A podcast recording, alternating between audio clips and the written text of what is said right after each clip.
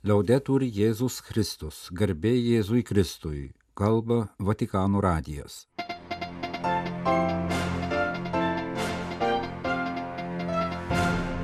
Malonus klausytojai šioje pirmadienio, birželio 19 programoje popiežiaus laiškas Bleizo Paskalio gimimo 400 metų sukakties proga. Romos vyskupo Pranciškaus audiencijos Amerikos Eucharistinio kongreso komiteto nariams ir Laterano kanauninkams. Popiežius paskyrė Maltos ordino globėją ir pasveikino Romos dienraštį įkūrimo sukakties progą ką reiškia būti krikščionimis Europoje. Konstantinopolio visuotinio patriarcho Baltramiejaus kalba Europos bažnyčių tarybos generalinėje asamblėjoje Taline. Asamblėjos dalyvius laišku pasveikino ES viskupų komisijos komece pirmininkas.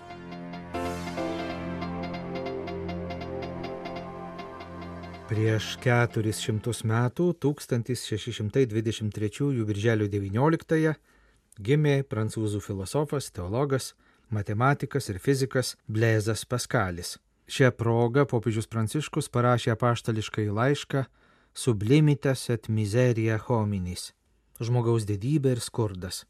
Pirmadienio rytą jis buvo pristatytas Vatikano spaudos salėje. Pranciškus primena, kad Blėzas Paskalis visą savo gyvenimą buvo aistringas tiesos ieškotojas.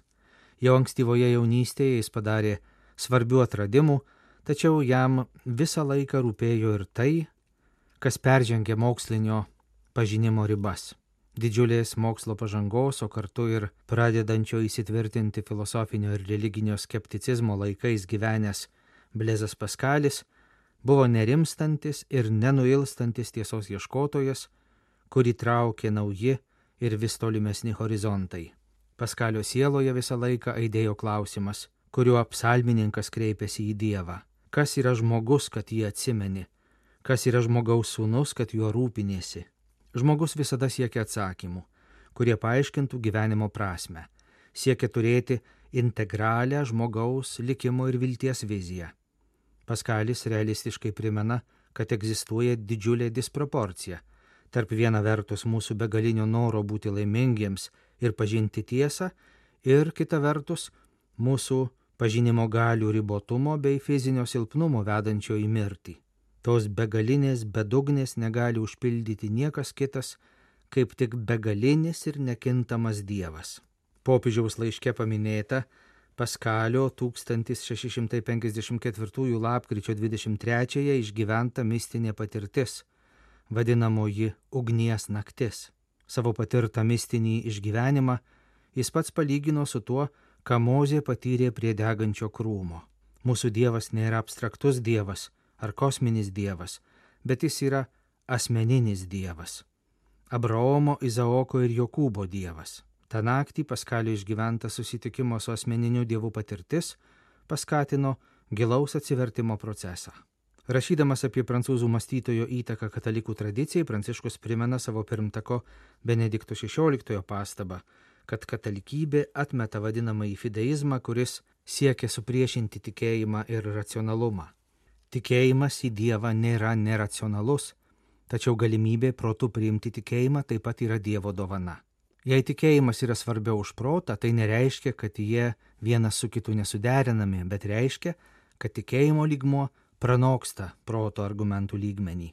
Blėzas Paskalis, rašo popiežius Pranciškus, tai išskirtinio racionalumo krikščionys, kuris mus moko, kaip suprasti Dievo dovanas, kurios viršyje proto gebėjimus. Galiausiai Pranciškus užsimena apie paskutinės prancūzų mąstytojo neilgo, bet labai kūrybingo gyvenimo akimirkas Paskalis mirė sulaukęs tik 39 metų. Ramiai pasirengęs žemiškojo gyvenimo pabaigai, prieėmė sakramentus, jis tarė, tegul Dievas niekada manęs neapleidžia. Popiežius linki, kad šio mokytojo ir liudytojo rašytinis palikimas ir jo gyvenimo pavyzdys taip labai įsišaknyje Kristuje padėtų mums ištvermingai eiti tiesos atsivertimo ir meilės keliu. Kai kurie katalikai mano, kad Euharistija yra labiau simboliškas, o ne realus viešpaties buvimas tarp mūsų. Iš tiesų, Euharistija yra daugiau nei simbolis. Euharistija yra realus ir meilės kopinas viešpaties buvimas, pasakė pirmadienį popiežius Pranciškus per audienciją Junktinių Amerikos valstijų nacionalinio Eucharistinio kongreso rengimo komiteto nariams. È più di un simbolo, è la reale e amorevole presenza del Signore.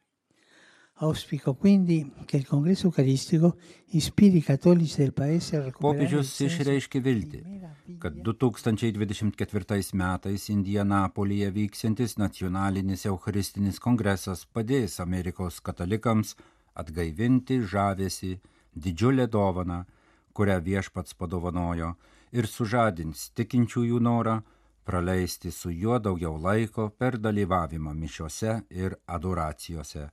Pranciškus paragino vyskupus ir kunigus katekizuoti tikinčiuosius, kad vis geriau suprastų adoravimo maldos reikšmę, o kartu ir svarbą melstis už dvasininkų pašaukimus, nes Šventojo Jono Pauliaus antrojo žodžiais nėra Eucharistijos be kunigystės, sakė Pranciškus. L'Eucaristia infatti è la risposta di Dio alla fame più profonda Eucharistija yra Dievo atsakymas į patį didžiausią žmogaus alkį.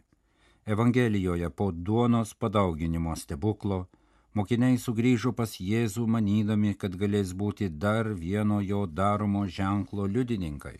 Tačiau Kristus norėjo perkeisti materialinį alkį kitu, amžinosios duonos alkiu.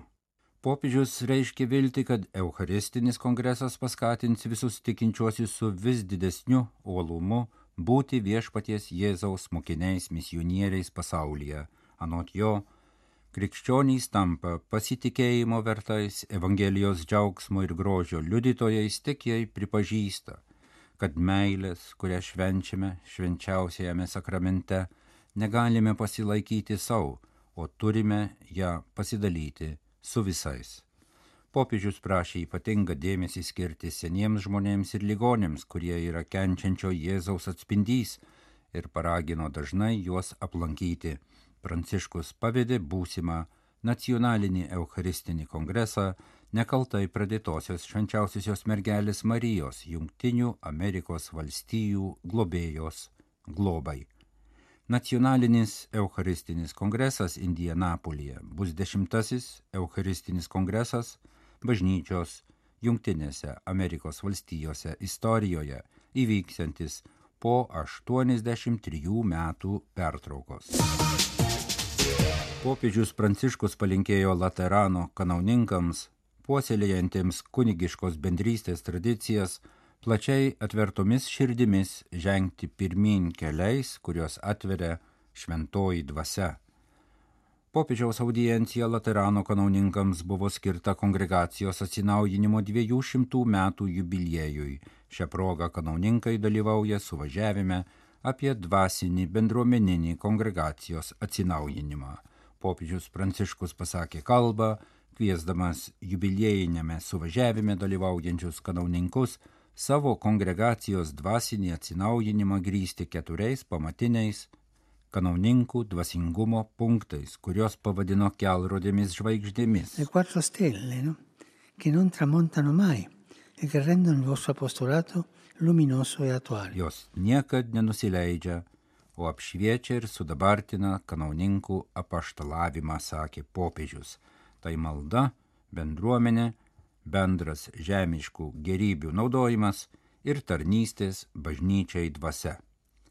Anot Pranciškaus šie punktai atsispindi švenčiausiojo išganytojo regulos kanauninkų kongregacijos pavadinime.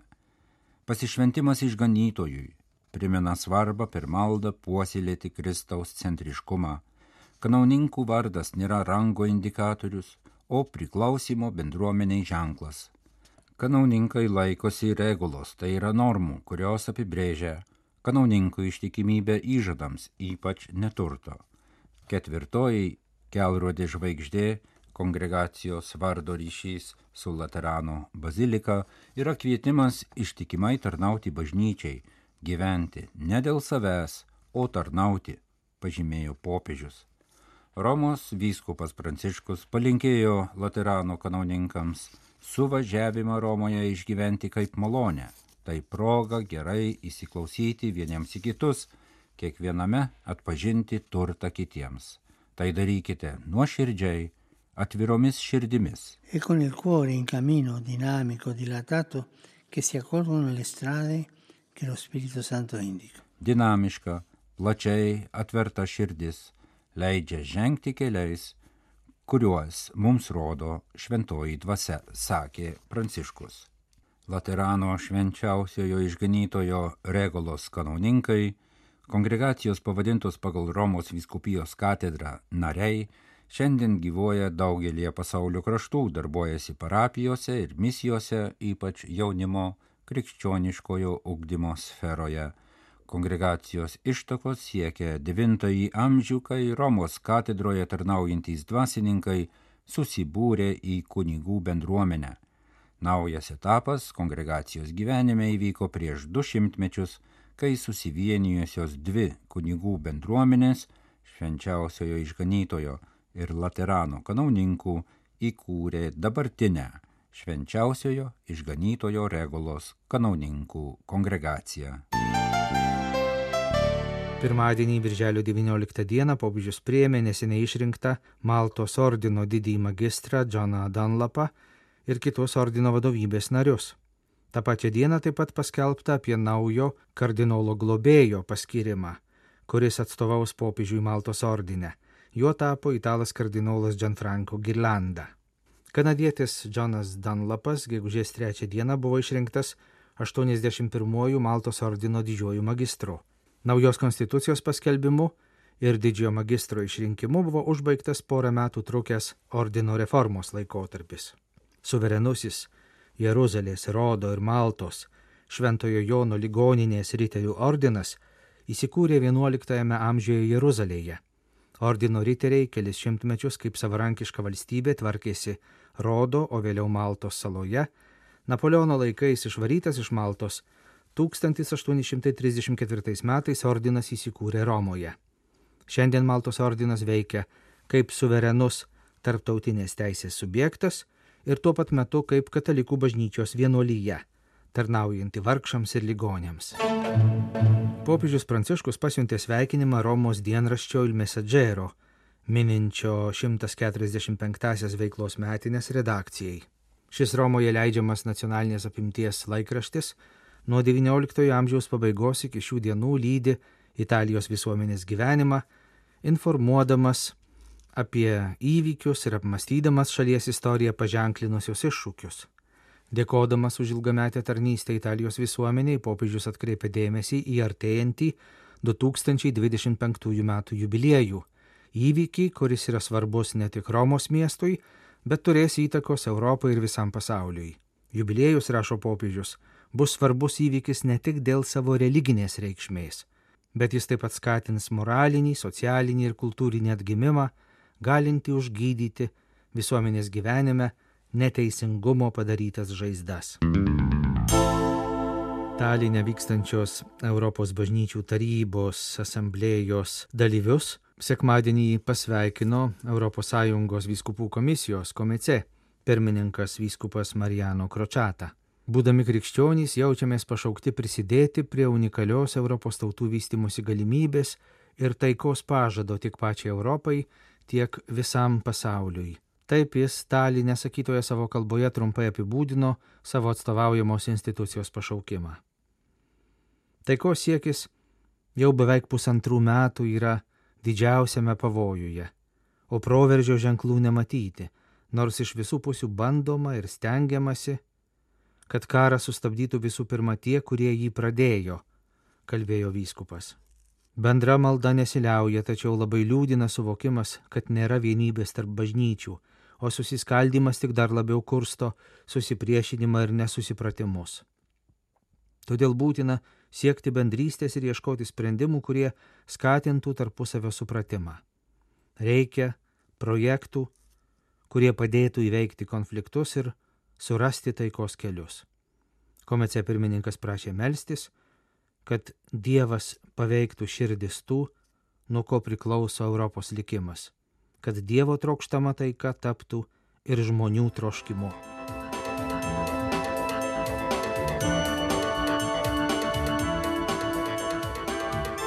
Birželio 14-20 dienomis Stalinė vyksta Europos bažnyčių tarybos generalinė asamblėja. Sekmadienį Birželio 18-ąją pagrindinį pranešimą skaitė Konstantinopolio visuotinis patriarchas Baltramiejus. Gyvename Europoje, kurioje religinis kraštovaizdis yra labai pasikeitęs, sakė patriarchas. Religija gal ir nėra mirusi, tačiau dauguma žmonių teigia, kad nors jiems yra svarbios dvasinės vertybės, bet jie patys neišpažįsta jokios religijos. Tikintieji yra mažuma. Tad koks ekumeninio judėjimo tikslas tokioje Europoje? Koks vaidmuo ar atsakomybė tenka religijai? Šiame kontekste dažnai girdime raginimą kurti kitokį naująjį ekumenizmą, kalbėjo Baltramiejus.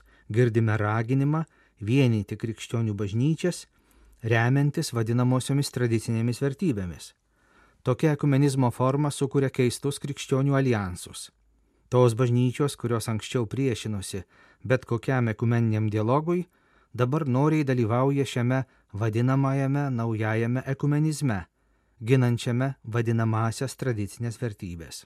Šis vadinamasis naujasis ekumenizmas net nuėjo taip toli, kad savo politinių gynėjų paskelbė Rusijos prezidentą Vladimirą Putiną, o dvasinių vadovų Maskvos patriarchą Kirilą. Jei 20-ojo amžiaus ekumenizmas buvo suvokiamas kaip būdas prisidėti prie suvienytos žmonijos ir bendrojo gėrio vizijos, tai dabartinis vadinamasis naujasis ekumenizmas yra susiskaldimo ir destrukcijos jėga.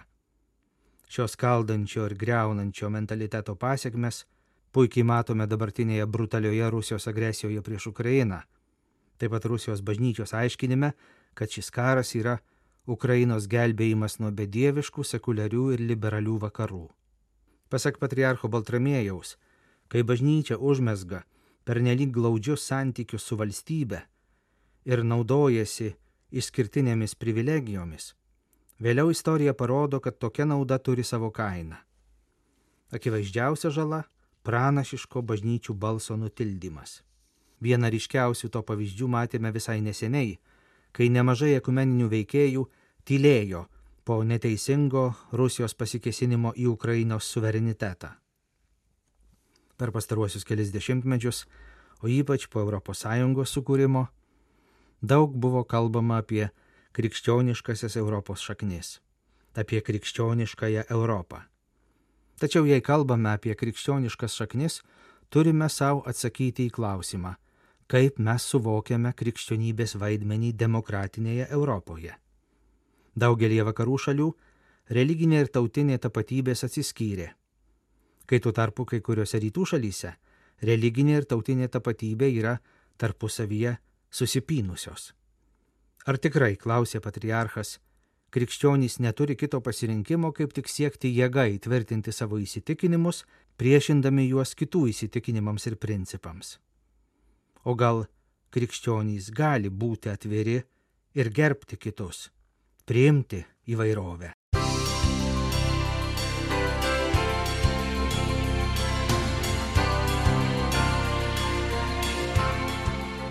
Kalba Vatikano radijas, laida lietuvių kalba baigėme. Garbė Jėzui Kristui, laudetur Jėzus Kristus.